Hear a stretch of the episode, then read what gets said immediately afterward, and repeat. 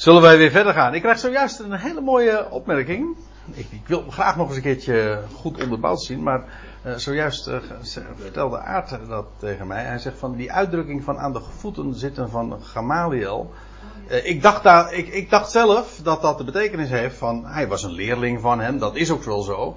Maar dat gaat veel verder. Nou, misschien kun je het zelf eventjes formuleren. het is bekend, ik heb het op papier.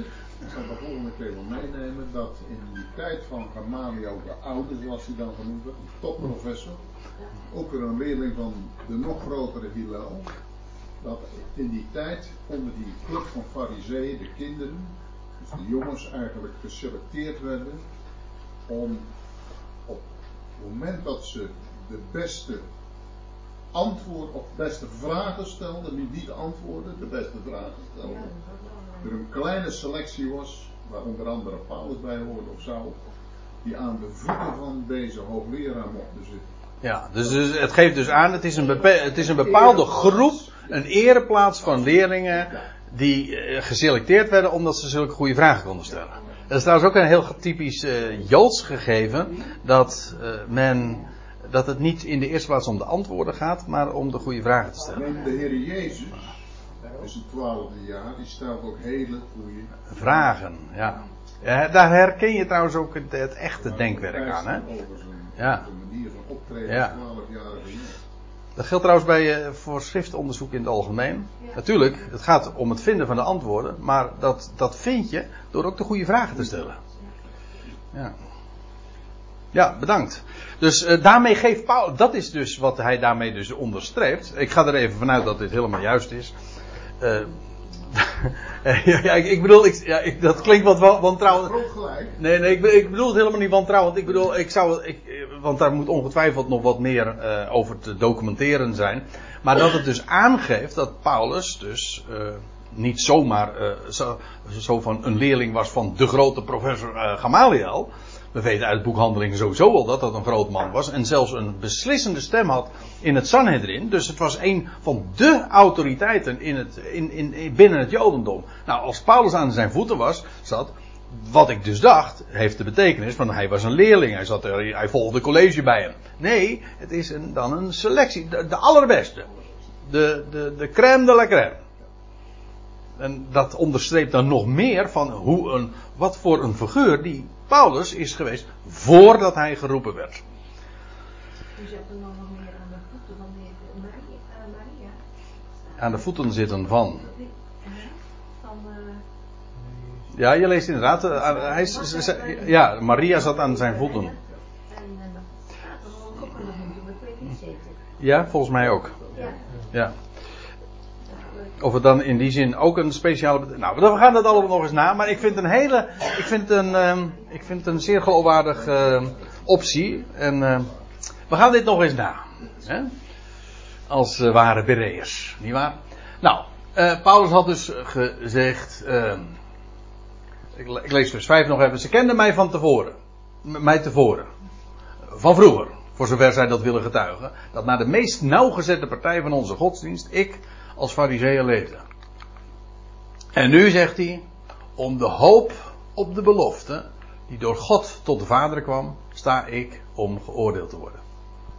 Dat wil zeggen, God had beloofd, en die belofte, ja, maakt schuld, maar ook geeft hoop. God heeft beloofd. Nou, God had aan de vaderen beloofd. En wat was die belofte? Ja, uiteraard de, de Messias.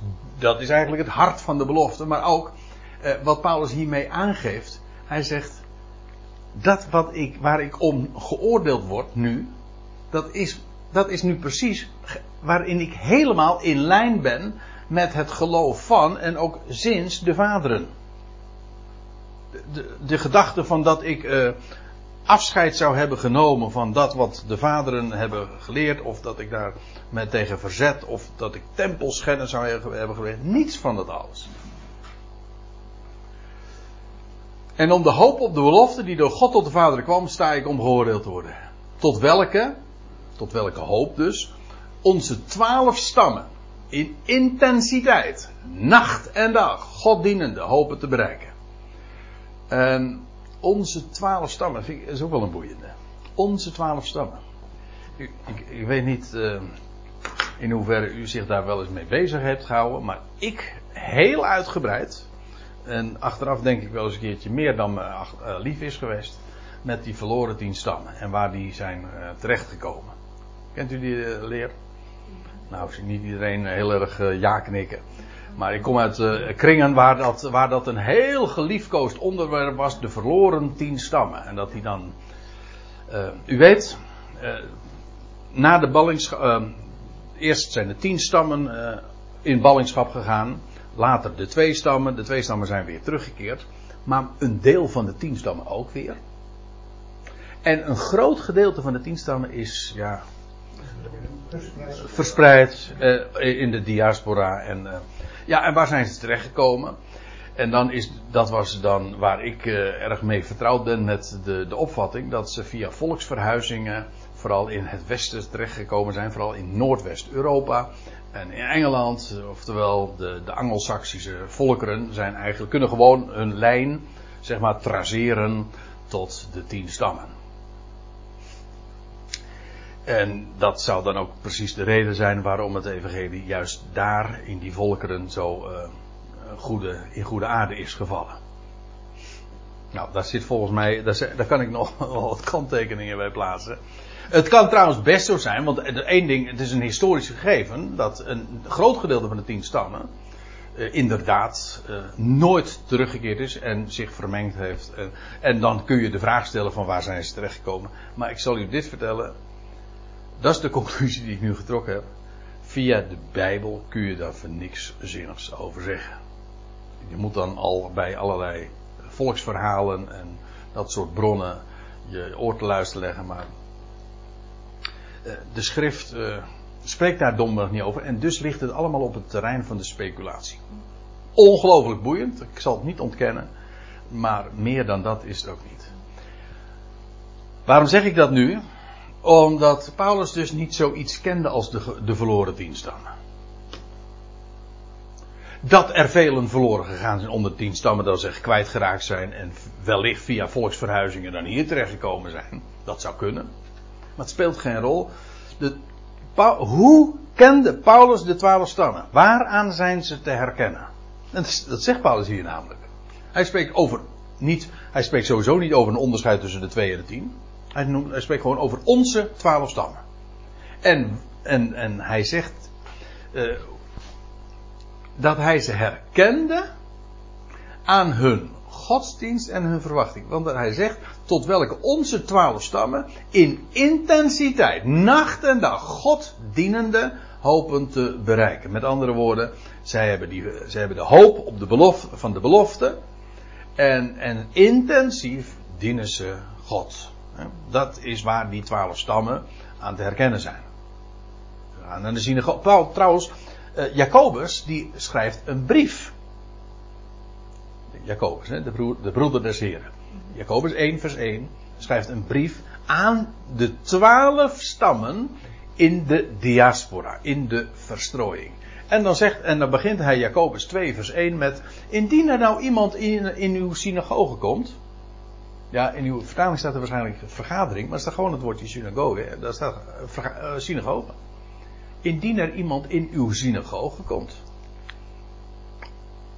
Het woord komt geloof ik een stuk of honderd keer voor in het Nieuwe Testament. En altijd in de MBG-vertaling wordt het vertaald met synagoge. Behalve in Jacobus 2 vers 1. Dan hebben ze het vertaald met uh, vergadering. Ja, ja, waarom? Ja, dat, daar zit theologie achter natuurlijk. Er staat gewoon het woordje synagoge. Die twaalf stammen hadden hun vergadering. Ja, waar? Gewoon in de synagoge. Ze dienden God. Nou ja, oké, ze waren niet op de hoogte van. Maar net als Paulus ooit voor zijn roeping, hij ze dienden God. En dat deden ze met een enorme intensiteit. Vergis u niet, hè? Zoals Paulus er ook uh, nog altijd, ook in zijn brieven over spreekt. Hij zegt, ik getuig van hen. Dat ze ijver voor God hebben celoten zijn. Maar zonder verstand. Dat wil zeggen zonder inzicht, zonder te weten waar het werkelijk over gaat. Maar die ijver hebben ze.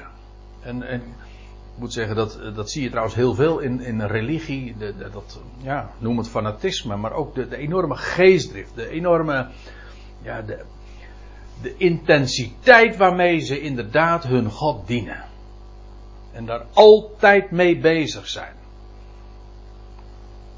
En nou, Paulus geeft hen ook zo die credits. Nacht en dag. Het is wel boeiend dat hij dat zo noemt, want dat is ook typisch de Joodse manier van benaderen van een etmaal. De dag eindigt als de zon ondergaat. En dan begint feitelijk niet, de, niet zozeer de nieuwe nacht, maar wel een nieuw etmaal. Zo wordt er gerekend. De dag, wij hebben de neiging om een dag een etmaal te noemen. Wij bekent geen dag van 24 uur. Er gaan 12 uur in een dag. Zegt de Heer. Gaan er geen 12 uur in een dag? Gewoon. Als de zon opkomt, begint de dag. God noemde het licht dag. En de duisternis nacht. Dus de dag begint als de zon opkomt. En die eindigt als de, dag, uh, als de zon ondergaat. Dat is de dag. Gemiddeld 12 uur. En, en, maar dan begint, dan is de, vervolgens de vraag, bij welke, bij welke datum hoort dan de nacht? Nou, bij de volgende dag. Dat is het idee. Dus vandaar nacht en dag. Wij zouden het omkeren, maar nacht en dag God dienende. Hier wordt een woord gebruikt dat echt te maken heeft met de dienst aan God. Het woordje God komt daar niet in voor, maar het gaat wel over de dienst aan God, latreia. Omtrent deze hoop, namelijk de hoop op de belofte, het middelpunt, centrum, hart, de Messias. Dat wil zeggen, de opgewekte Messias. De uit de doden opgestane Messias Christus. Hij zegt omtrent deze hoop word ik onder Joden aangeklaagd, o koning. Dus die hoop die al die twaalf stammen hebben. Hij zegt, nou dat is precies de hoop waar ik om aangeklaagd word en waarom ik nu gevangen zit. Daarom. Omdat ik geloof dat die belofte inmiddels vervuld is.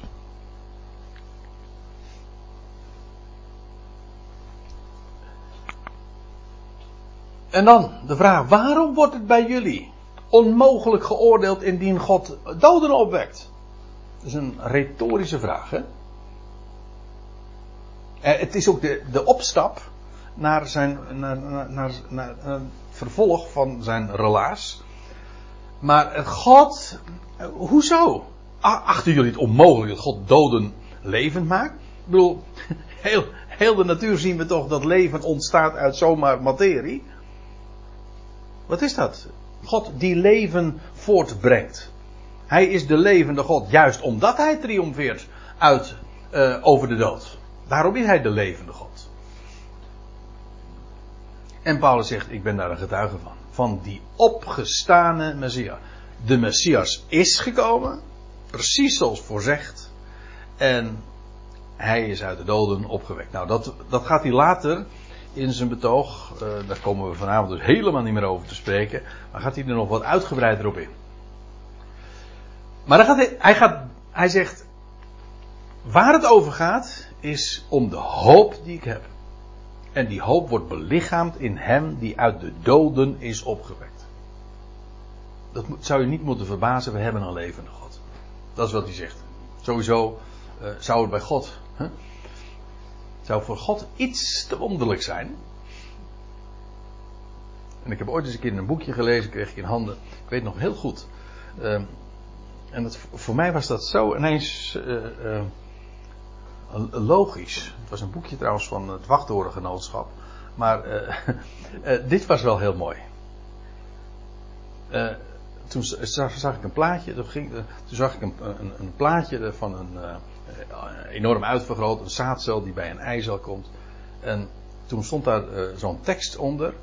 En het, het complete godswonder, hoe leven tot stand komt. Zou hij die dit bewerkt, niet in staat zijn om de doden levend te maken?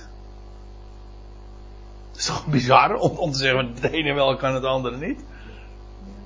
Dat is toch een. Eh, ja, dat is uh, waar ik het zojuist over had. Dat sloeg bij mij echt in. Ja, dat is zo. Hoezo? Waarom is dat onmogelijk? En dan zag ik van de week op, via Facebook zag ik zo'n filmpje voorbij komen. Dan zie je in twee, drie minuten zo'n filmpje over hoe, hoe de vrucht in een moederschoot vanaf de verwekking tot aan de geboorte, hoe dat zich ontwikkelt. En dan zeg je, het is dat je dit dagelijks, nou ja, meemaakt, of in ieder geval, weet je, ja, dan worden dagelijks kinderen geboren. En... Maar anders zeg je, dat kan niet. Dat kan helemaal niet. Dat is. Nee. Nou ja, maar je ziet eigenlijk. Het is toch één groot wonder allemaal.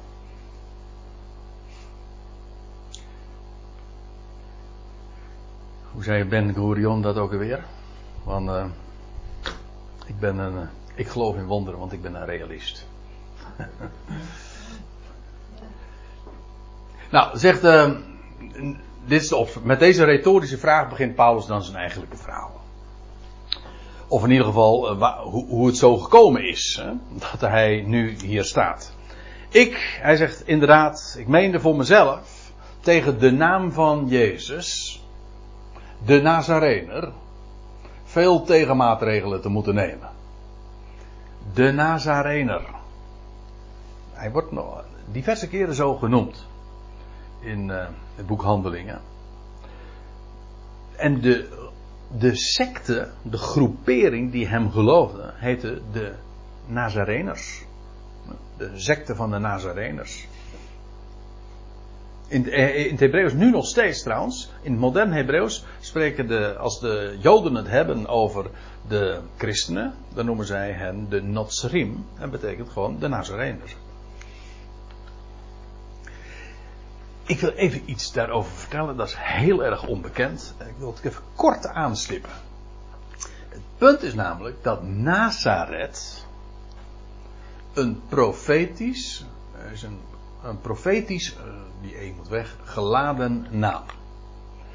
Je leest in Matthäus 2, vers 23. Ik lees weer even voor uit de geschriftenvertaling. En hij, dan gaat het over Jozef, de man van Maria, die komt daar en hij woont in een stad genaamd Nazareth. Dat was nadat hij dus uit Egypte was ge, weer terug was gekeerd. Hij ging niet in Bethlehem zich maar ging in Nazareth. Uh, weer terug waar hij al eerder woonde. Uh, hij woont in een stad genaamd Nazareth. En nou komt het opdat vervuld zou worden wat door de profeten uitgesproken werd dat hij een Nazarener genoemd zal worden. En dat is nou opmerkelijk, want als je dat zo terug wil vinden, staat het er. Probeer het maar eens te lezen. Nou zijn er mensen die uh, geweest en niet de eerste de beste, die hebben gezegd ja dat komt. Er staat hier niet dat het uh, geschreven is, maar het is uitgesproken. De profeten hebben daarover gesproken, dat het een mondelinge overlevering of traditie was. Maar dan toch nog door de profeten. Maar ik zal u vertellen, er is wel degelijk een, prof, een aanwijzing in, het, in de woorden van de profeten. En dat is Jezaja 11. Ik zal het u laten zien.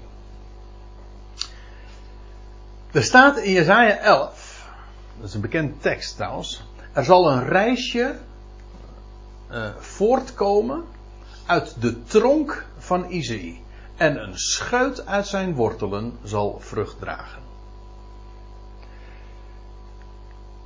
De stamvader van het huis van David, hè? de vader van David was Isaïe. En er staat, er zal een reisje voortkomen uit de tronk van Isaïe. De, de tronk, dat is een afgehouden boom, uh, boom dus. Dus een stamboom, dan moet je eigenlijk denken. Er is hier een stamboom, een hele dynastie, die zijn oorsprong vindt in Isaïe, de stamvader de stamvader, mooi woord. En de, maar die stamboom, die dynastie is afgehouden. En dat, zo is het inderdaad gegaan, want u weet, na de ballingschap is er nooit meer een zoon uit. Ik bedoel, uh, vanaf David zijn er twintig koningen geweest uit het huis van David, die achtereenvolgens hebben geregeerd. En na de ballingschap nooit meer. Een zoon van David. Dus die hele, die hele stamboom, die hele, dat koningshuis, dat is gewoon over en uit.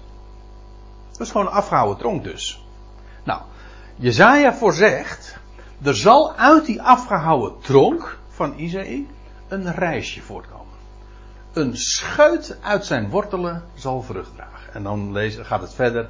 En dan wordt er een beschrijving gegeven in dat hoofdstuk, schitterende beschrijving van het Messiaanse Rijk. Oftewel, het gaat hier over de Messias.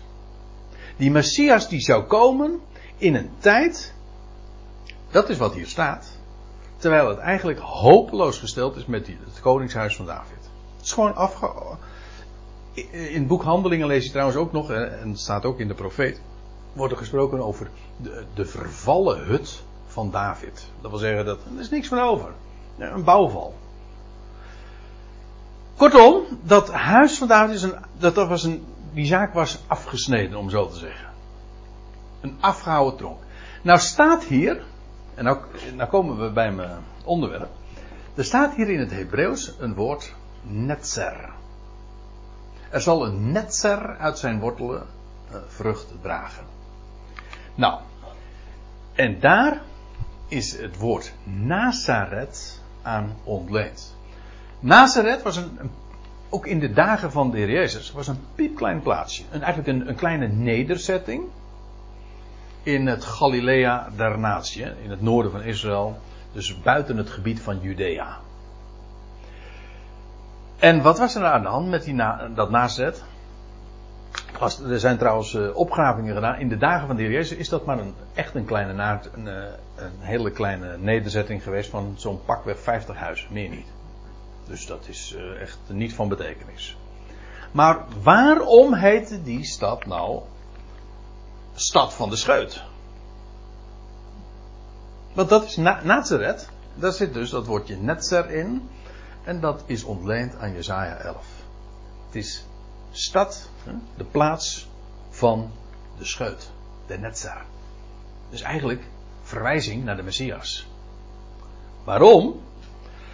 En dat is het verhaal. Nazareth was bewoond door, ja, door uh, nakomelingen uit het huis van David.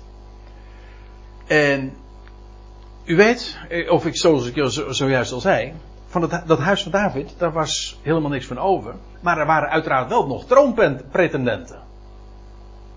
Dat wil zeggen, allemaal afstammelingen uit het huis van David. En die, hebben, die zijn gevlucht buiten het gebied van Herodes, die in Judea regeerde. En u weet het, die, moest het helemaal, die, die was vuurbang voor een koning van de Joden. Dat was de reden waarom die in Bethlehem de hele boel uitmoordde. En om een veilig onderkomen te vinden, zijn die nakomelingen van David, dus allemaal uit het koningshuis van David, zijn ze, hebben ze zich gevestigd buiten het gebied van Herodes en hebben daar een plaatsje uh, dat in het hele Oude Testament verder ook niet voorkomt. De naam Nazareth kom je niet tegen. Het was een kleine nederzetting en dat heette Nazareth. Het was gewoon de stad van de scheut. En zowel Jozef als Maria kwamen uit het huis van David. Het is een piepkleine nederzetting, zoals ik zojuist al zei. En nou hebben Jozef en Maria wat, maar beide komen, je leest dat in Matthäus, Lucas, beide kunnen hun stamboom terugvoeren tot David.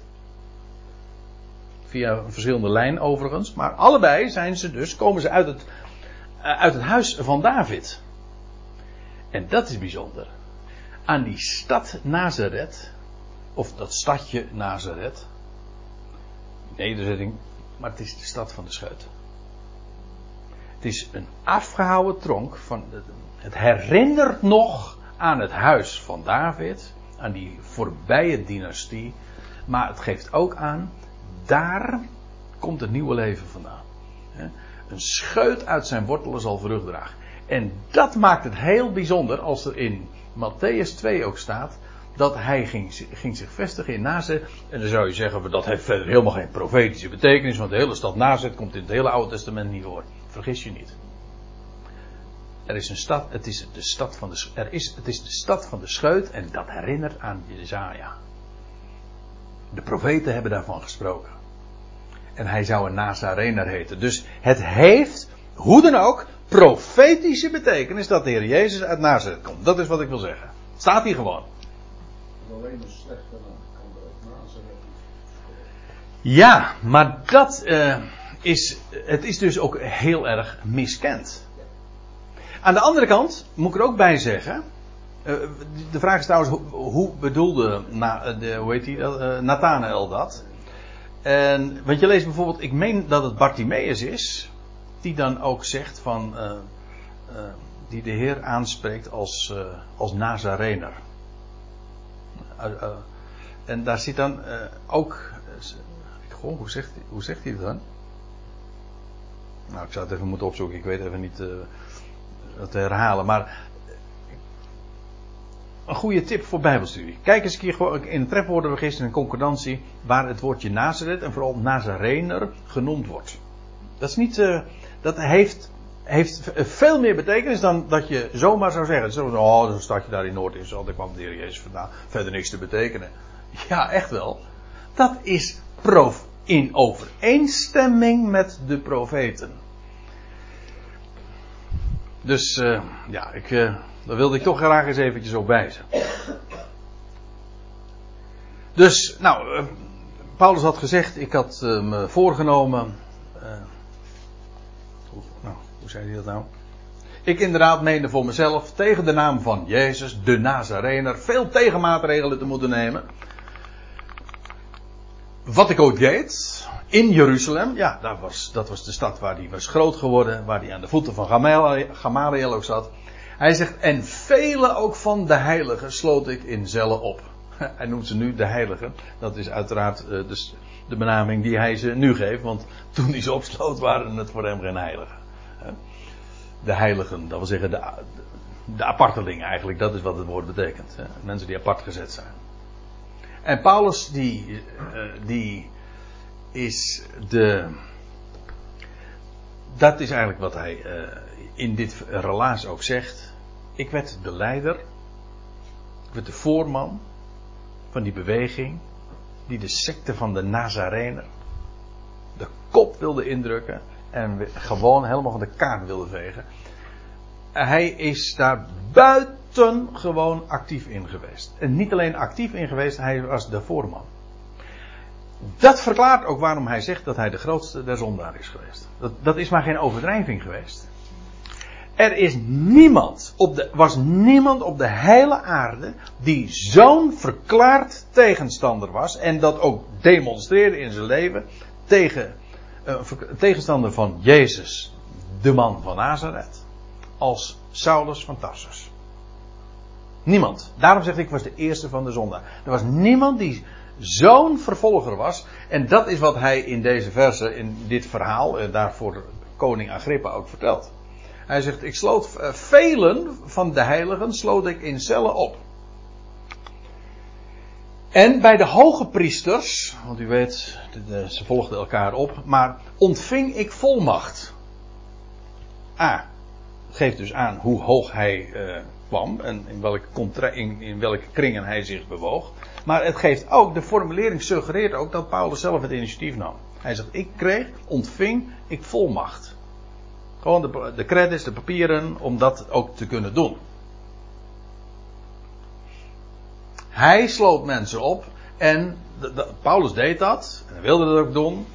Uh, en hij kreeg daarvoor volmacht. Want ja, dat kon je niet zomaar doen. Je kan natuurlijk niet zomaar mensen opsluiten. Nee, dan moet je wel uh, mensen van gezag achter je hebben die, dat, die je daarvoor de credit of de, de papieren, de legitimiteit verlenen. Ook droeg ik mijn stemsteentje bij om hen uit de weg te ruimen. Ja, dit is stemsteentje, ja. Ik, ik had, ook droeg ik mijn steentje bij. Dat, zo kunnen wij dat in het Nederlands ook zeggen. Uh, maar dat geeft net even een verkeerde indruk. Ik weet niet waar u aan denkt als je zegt van ik heb ergens mijn steentje toe bijgedragen. Ik denk, ik weet niet hoe het u, maar ik denk dan vooral aan, nou ja, heb je het beeld van een bouwwerk van nou we hebben, er wordt iets opgebouwd en we hebben allemaal een steentje zeg maar opgestapeld. Maar dat is niet het idee. En je zou ook nog in dit geval kunnen denken dat Paulus een steentje heeft bijgedragen om die beweging zeg maar te, kapot te maken door letterlijk hè, te, de, stenig, de steniging van, uh, van Stefanus. En hij heeft ook daar zijn steentje aan bijgedragen. Um, ook dat is het idee niet. Het, gaat, het woord wat hier gebruikt wordt is een kiezelsteentje. En dat werd gebruikt. Dat gaat terug, laat ik het even voorlezen, op de gewoonte om. Als er vonnissen uitgesproken moesten worden. dan degene die dat moesten doen, die maakte dat kenbaar door een steentje ehm, neer te leggen. En dat was dan zwart of wit. Een zwart steentje of een wit steentje. Eh, zwart betekent veroordeling, lijkt me, daar is niet zoveel, uh, niet zoveel fantasie voor nodig waarom dat is. En wit, dat betekent vrijspraak. En Paulus zegt, ik heb in die proceduren, dat geeft dus ook weer aan dat Paulus ook actief was in het Sanhedrin. Dat weten we ook omdat toen het Sanhedrin Stefanus stenigde. Dat Paulus daar uh, dat supportte en ook de, de, de jassen. Dat was de eerste keer dat we zijn naam per slotverrekening ook tegenkwamen, nietwaar? Toen bij de steniging van Stefanus. En ook daar heeft hij dus letterlijk zijn steentje, zijn stemsteentje aan bijgedragen. Dat zeggen, hij was daar een voorstander van. Dat, als er mensen uh, uit de weg geruimd moesten worden, in ieder geval, wij weten eigenlijk alleen maar van Stefanus, die daadwerkelijk om die reden ook gedood is. En Paulus zegt, toen de tijd heb ik mijn steentje, in de zin dus van dat stemsteentje, daartoe bijgedragen. Om hen uh, ja, om hen om te brengen. Letterlijk om hen uit de weg te ruimen. En in alle synagogen. In alle synagogen strafte ik hen dikwijls. Ik dwong hen te lasteren. Let trouwens ook op dat woordje eh, dikwijls, velen. Dat geeft dus aan maar dat dat niet zomaar een, een, een paar keer gebeurd is. Nee, hij zegt. Uh, hij is daar dus buitengewoon actief in geweest. En hij is dat Veelvuldig heeft hij dat gedaan. Ik strafte hen dikwijls en ik dwong hen te lasteren. Of het hem lukt, weet ik niet, maar in ieder geval, ja, de, uiteraard de naam van Jezus te lasteren. Nou, we hebben hier dus echt Van Don met een. Uh, fanaat. Een fanaat. Een godsdienstig fanaat. En trouwens, uh, nergens is fanatisme groter dan wanneer het een godsdienstig karakter heeft. Dat uh, hoef ik niet uit te leggen. Nee, als, als fanatisme een, een religieuze lading krijgt, dan, dan dat kent geen grenzen. En Paulus, ik dwong hen te lasten. Dus Paulus was niet alleen een erudiet man, maar hij was ook, hij zegt het ook, hè. Uh, ik heb het verder gebracht dan vele van mijn tijdgenoten in het Jodendom, maar dat was niet alleen maar vanwege zijn, zijn kennis van zaken, maar ook vanwege eh, naar zijn hoe zegt hij? Na mijn ijver was ik een vervolger van de gemeente. De vervolger. Want er staat er nog bij. Uh, ik dwong hen te lasteren. En dan verder vers 11. En bovenmate razend op hen. In, in de MBG-vertaling staat in tomeloze woede. Dus hij is. Hij moest. Als ik zeg van hij moest er niks van hebben, is dat nog veel te zwak uitgedrukt. Bovenmate razend op hen, vervolgde ik hen ook tot in de buitenlandse steden. Tot in de buitensteden, maar bedoeld is dan de, tot in het buitenland aan toe. En het feit dus dat hier meervoud ge, gesproken wordt, geeft dus aan dat Damascus niet alleen op zijn programma stond. Damascus was trouwens ook een stad waar het, het Sanhedrin in, in Jeruzalem nog zeggenschap over had. Vandaar ook dat hij eerst naar Damascus ging.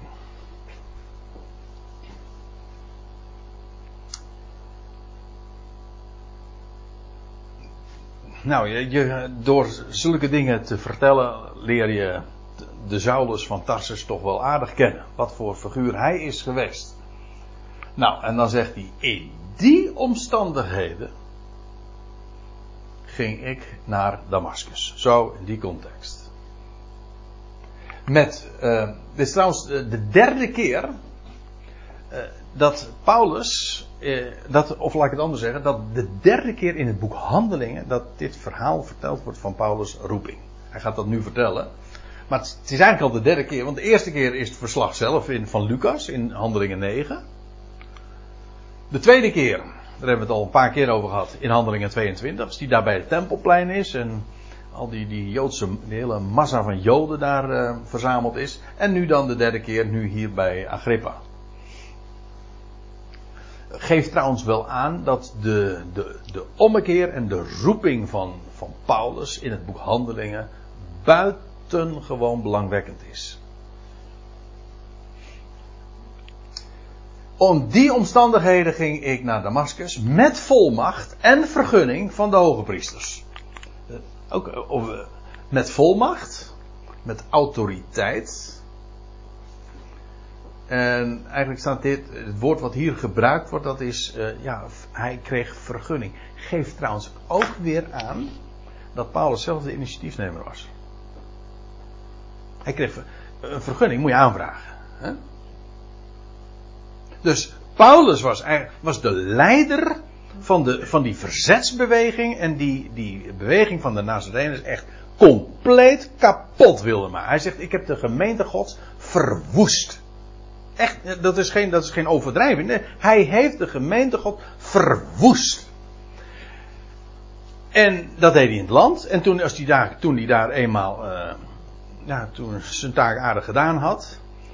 Was trouwens ook een enorme vervolging al uitgebroken in Jeruzalem. Dan lees je uiteindelijk dat hij naar Damascus gaat. Hij wilde nog meer steden kennelijk aandoen, maar ging Damascus. En in die omstandigheden, in die tomeloze woede, uh, is hij dus daar naartoe gegaan, maar dat, dat, daarvoor had hij de autoriteit. Maar hij had ook de vergunning van de hoge priester. Dat geeft dus aan dat hij degene is geweest die zelf het initiatief daartoe heeft genomen, maar hij had de autoriteit nodig. De papieren van de hoge priesters en die heeft hij gekregen. Maar het geeft dus ook deze formulering geeft weer aan dat Saulus zelf dat allemaal uh, daartoe het initiatief heeft genomen. Nou, en dan zeg je, en dan zegt hij, eigenlijk eh, stop bij het, bij het hoogtepunt. dat schijn je trouwens altijd moeten doen, hè. Maar uh, midden op de dag, namelijk onderweg waar, o koning, van de hemel, boven de schittering van de zon, een licht dat mij, en die samen met mij gingen, omstraalde. Ik stel voor dat we dat mooi is parkeren voor de volgende keer. God verandert mensen. God verandert mensen, ja, dat, met recht, dat doet hij. Uh, het geeft wel weer, want het geeft wel duidelijk aan. Dat Saulus dit niet zocht, hè. Ik bedoel, de meest verklaarde tegenstander die de gemeente Gods vervolgde. Zo'n hater van de naam van Jezus. Hij werd geroepen in het buitenland. En juist deze Jood tot op het bot wordt de apostel van de natie. En die wordt uiteindelijk dus gevangen genomen in Jeruzalem. Moesten ze niets hebben meer van die naam van Paulus. Dus, nou ja, God verandert mensen, maar wat kan er al niet gebeuren? Nou, en nu is Paulus daar in Caesarea aan de kust en nu mag hij zijn verhaal doen. Bijzonder allemaal, als je dat zo uh, je realiseert. Zullen we het hierbij laten, beste mensen? Ik zie dat het 10 voor 10 is en dan gaan we de volgende keer verder bij Handelingen 26, vers 13. En dat is ook mooi. Ja, niet omdat het 13 is, maar omdat het de helft is van 26. En ook omdat het 13 is trouwens, want 13 is trouwens het getal van de ommekeer, dat weet u toch? Nee? 13, ja, na 12, dat is een volheid. En dan krijg je de 13 is weer, uh, dan begin je weer bij 1, hè? Maar goed. Laten we er nu niet allerlei verhaaltjes vast uh, koppelen aan zulke versnummers, want dat heeft verder geen uh, betekenis. Zullen we met elkaar eindigen?